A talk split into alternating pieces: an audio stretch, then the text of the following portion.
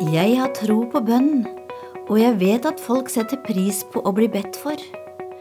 Men vi må kanskje våge å være litt mer frimodige og personlige, og fortelle hvordan vi har det.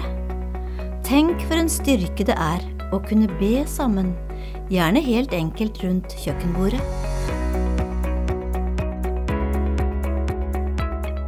Velkommen til et nytt program i Håpets kvinner. Fint at du er med og lytter. Jeg heter Marit Veimo, og jeg har møtt Åshild Sørhus fra Stjørdal. Sammen med mann og tre barn har Åshild vært misjonær i Mongolia i to perioder i til sammen sju år. Det hevdes at bønn er det viktigste arbeidet i Guds rike, og vi har spurt Åshild om å dele litt av sine erfaringer når det gjelder bønn, både fra misjonærlivet og fra hverdagen her hjemme i Norge. Hun vil gjerne utfordre oss og oppmuntre oss til å ta bruk i den skattkista som bønnen er.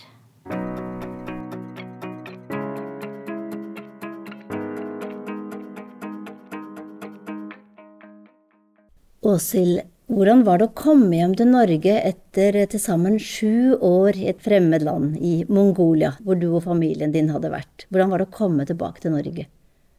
For vår del så tror jeg vi har bare vært utrolig heldige. Som jeg kan se det, da, så gikk det bra. Ungene våre eh, trivdes eh, når vi landa her i Norge. og Jeg fikk bruke den tida jeg trengte. Jeg jobba ikke mye den første høsten. Og så vet jeg at vi var omslutta av forbønn.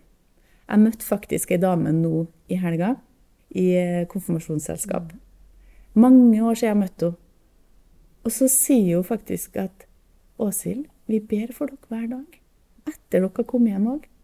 Og da kjente jeg bare åh, Jeg tenkte ikke at hun kjente meg så godt at hun på en måte ville gå inn i en sånn tjeneste, liksom. Så det er bare så takknemlig. Jeg tenker det er ingen selvfølge. Det er et stort Guds under, det Gud har gjort for oss som familie, tenker jeg.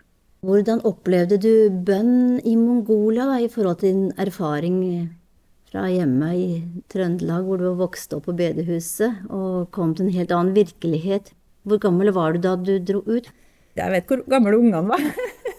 ja. Det var i 2009, altså det begynner å bli noen år siden jeg sånn sett første gang vi for ut erfaringene der er jo at altså, du, du, møter kristne over hele verden, og så har du en sånn fellesskap i Jesus.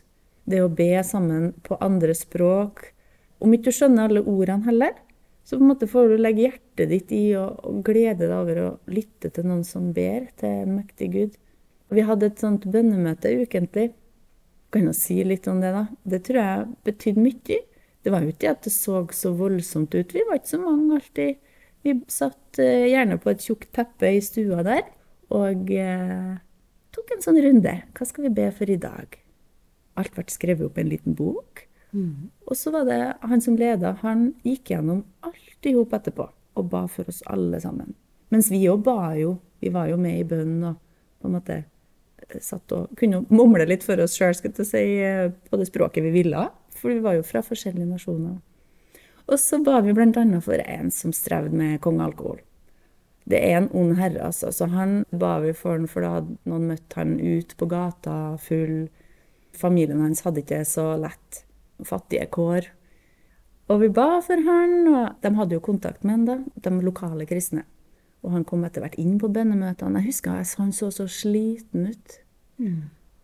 Vi ba nå for han og familien. og Amerikanske misjonærer var også inne med et prosjekt for å hjelpe dem med å få inntekt til familien. og på en måte flere, sant? Vi er spiller på lag.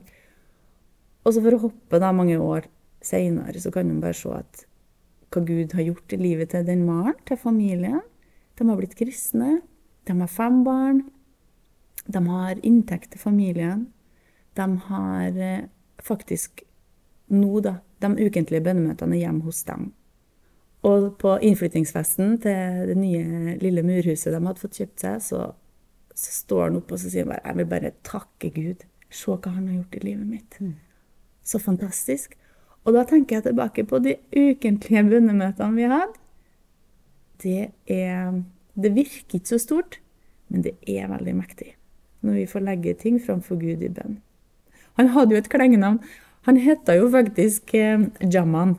på det lokale språket. Og dette er ei folkegruppe som er en minoritetsgruppe. De er tradisjonelt muslimer. Og det er danna nå ei lita huskirke som er på en måte i startfasen, selv om det har holdt på noen år. Og han heter Jaman, ja. Og det var mora som hadde gitt det klengenavnet, for han var så dårlig. Og det betyr dårlig.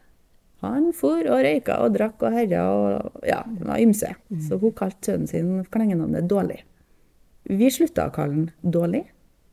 Vi begynte å bruke hans egentlige navn, som er et nydelig navn. Behøver ikke å si det navnet her, for eh, det behøver ikke å være så lurt når det går alle vide veier over nettet. Men tenk det, eh, hvordan Gud har fått lov å jobbe i livet hans. Mm.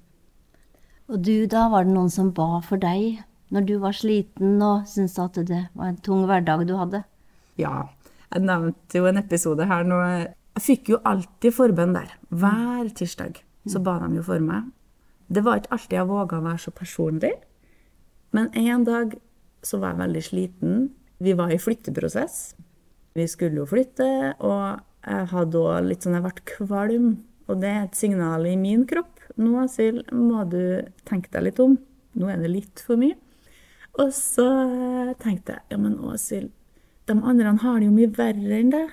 Skal du klage på at du er sliten? Og så sitter jeg med kristne brødre og søstre som både økonomisk og, og forskjellige ting, så, så vet jeg de strever med mye. Og så sier jeg nei, nå skal jeg bare være ærlig, og så var jeg det. Så jeg kan nok be for meg. Jeg er veldig sliten nå. Og den omsorgen, og den hjertevarmen fra mine brødre og søstre der, det var fantastisk å kjenne på. Og så var det en som sa det etterpå.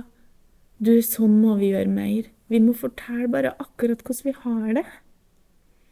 Jeg må bare si litt om hvordan han ba for den enkelte, da. Så sa han Og nå ber vi, far, for din elskede datter Åshild. Tenk så nydelig. Og sånn ba han for alle oss som var der, og de bønneemnene vi hadde kommet med.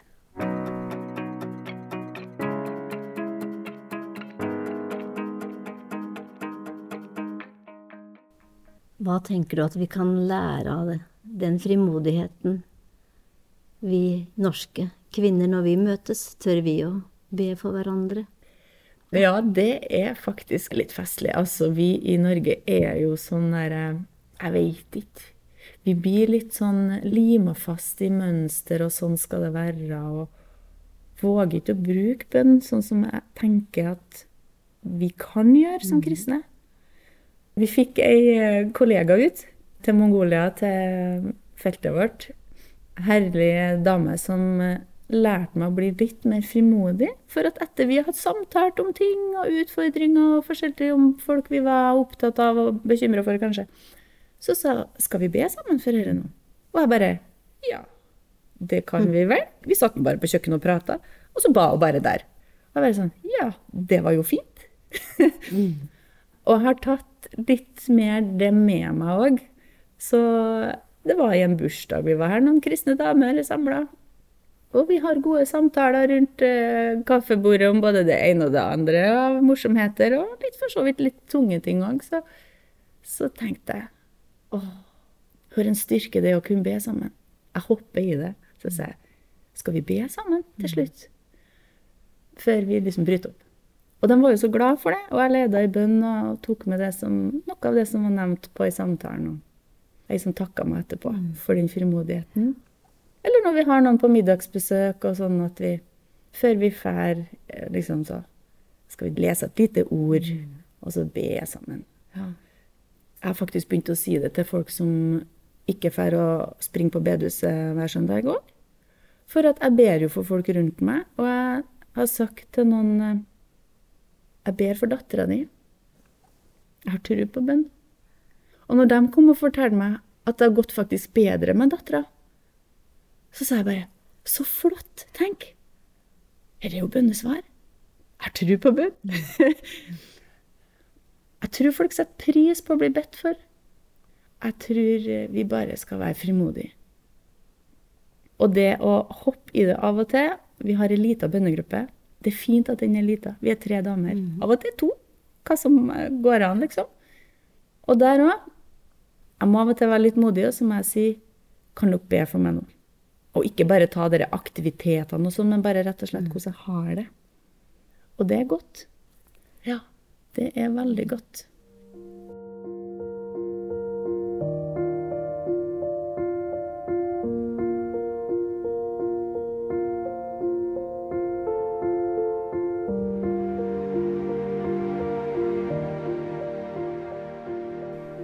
Tenker at bønn handler også om å dele. Dele glede og dele smerte. Og i Bibelen så er det mange historier hvor Jesus griper inn da folk sulter, de har ikke brød. De har ikke mat. 4000-5000 mennesker er samla rundt eh, Jesus og hans disipler. Og Jesus eh, ber om hva, hva har dere? Og så er det jo så lite. Fem brød. I en fortelling sju brød, en annen fortelling men Jesus tar det og ber takkebønnen, som det står. Og så blir det nok til alle. Og enda er det overflod når de samler opp kurvene som blir til overs. Det er fantastisk. Gud vil gi oss liv og overflod. Og så den skattkista, den skatten, ligger der, og så er jeg vel liksom litt forsiktig med å tørre å ta i den, i den skatten som Jesus vil gi oss. Hva tenker du om det? Hvis vi tenker på det med bønn, da. Det der er jo en så nydelig fortelling som jeg har brukt mange ganger i forhold til barne- og ungdomsarbeid. Vi skal bruke det vi har, vi skal gi dem Guds ord. Og det er Gud som har ansvar for resultatene. Men i forhold til bønna så tenker jeg at vi skal komme med det vi har til Jesus. Altså, jeg er så opptatt av, nå når jeg er i Norge, og jeg har Mongolia i hjertet mitt, og de kristne der, og dem som ikke har blitt kristne, som jeg ønsker skal møte Jesus, at vi må be konkret. Og at vi trenger virkelig å kjempe i bønn. Jeg tenker sånn som ordne ei liste, skriv ned navn, og be, og ikke tenk at det er lite. Det er stort. Det er virkelig stort. Jeg fikk melding faktisk nå i morges fra en venninne. Takk for at du ber for meg og familien min. Vi opplevde dette bønnesvar i forhold til den familien. Altså, da kjenner jeg blir sånn ydmyk. Oi, Gud, du er stor. Tenk det, liksom. Ikke tenk at det er lite. Du vet, vi er jo mennesker. Jeg har jo hatt bønneliste, for jeg gikk i bibelgruppe som ungdom. Jeg begynte kanskje med fem navn, jeg vet ikke. Det har blitt mange navn. Vet du, hvis du har en bønneliste som er litt for lang, så, så kan du gjøre det som jeg fikk råd om. Du kan fordele det på ei uke. Da har du sju ark, så har du ei bønneliste for mandag, for tirsdag og for onsdag. Men vet du, de ble fulle, dem òg. Det ble for mye på ei uke. Jeg har fordelt det på 14 dager. Altså, skal jeg stryke noen fra bønnelista mi? Ei som jeg har bedt for i mange, mange år. Så opplever jeg plutselig at dattera hennes blir et møtepunkt. De kommer flyttende tilbake til heimbyen, og at vi får et møtepunkt. Så tenker jeg bare pussig, liksom. Så vi er mennesker, men gjør det praktisk og tenk at eh, ja, vi makter ikke å be for 100 hver dag, men eh, fordel det litt. Kanskje har du noen bønnelister, jeg har gjort det da, som jeg ber hver dag, og så ei som er fordelt på 14 dager da. Ja.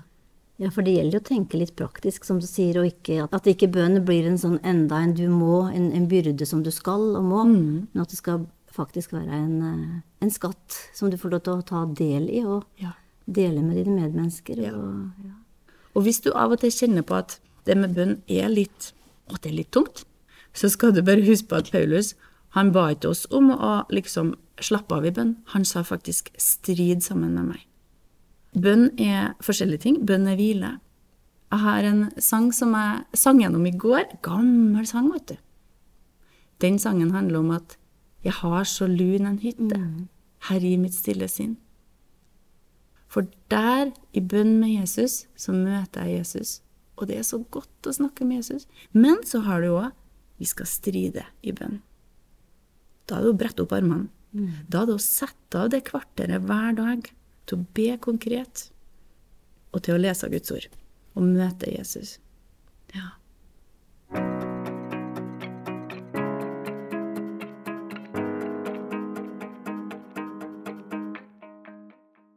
Takk, Åshild, fordi du delte med oss av dine erfaringer.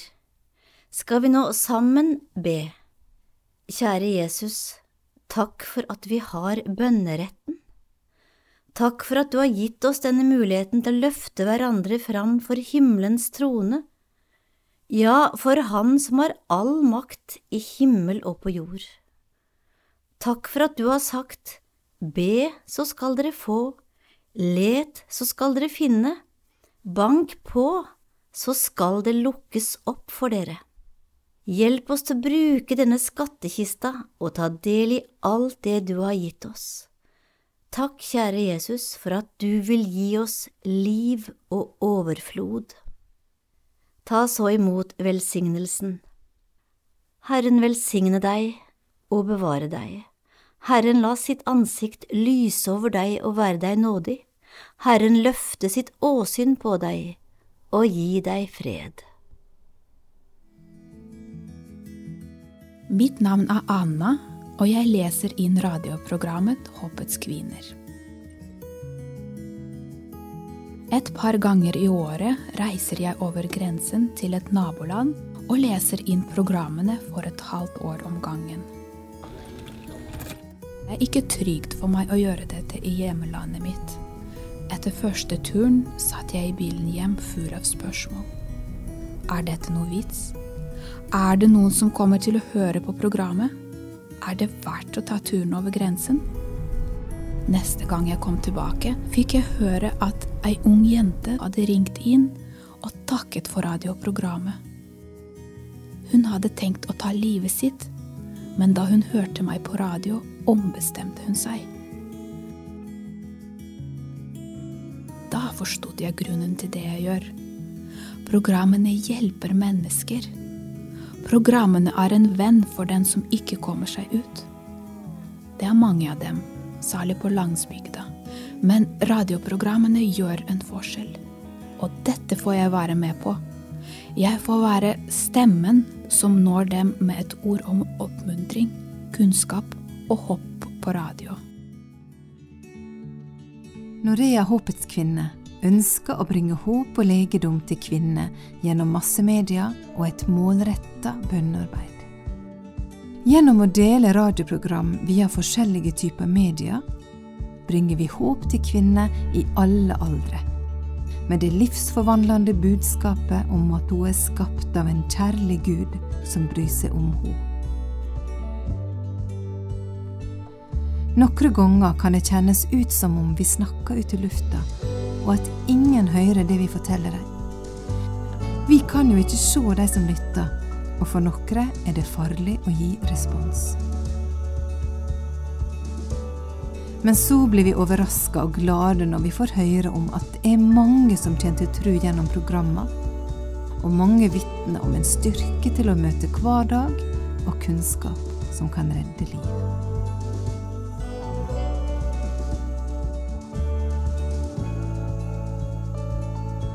Etter at de lærer Gud å kjenne, får kvinnene stor innflytelse og blir en endringsagent i sine nærmiljø.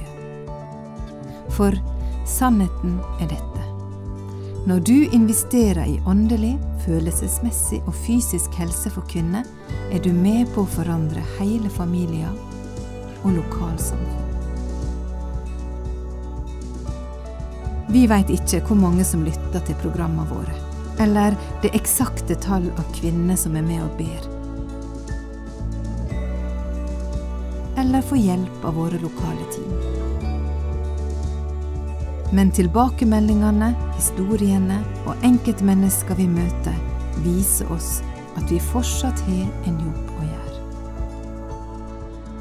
Ny teknologi gir oss nye muligheter til å dele evangeliet. Budskapet om håp, frelse og framtidstru når inn gjennom stengte landegrenser, heime og hjerte. Gud viser vei, og vi følger ham.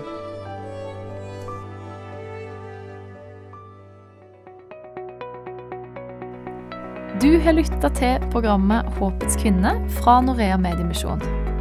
Ønsker du informasjon om vårt arbeid, gå inn på norea.no. Der finner du også podkasten vår og informasjon om hvordan du kan være med og be for verdens kvinner.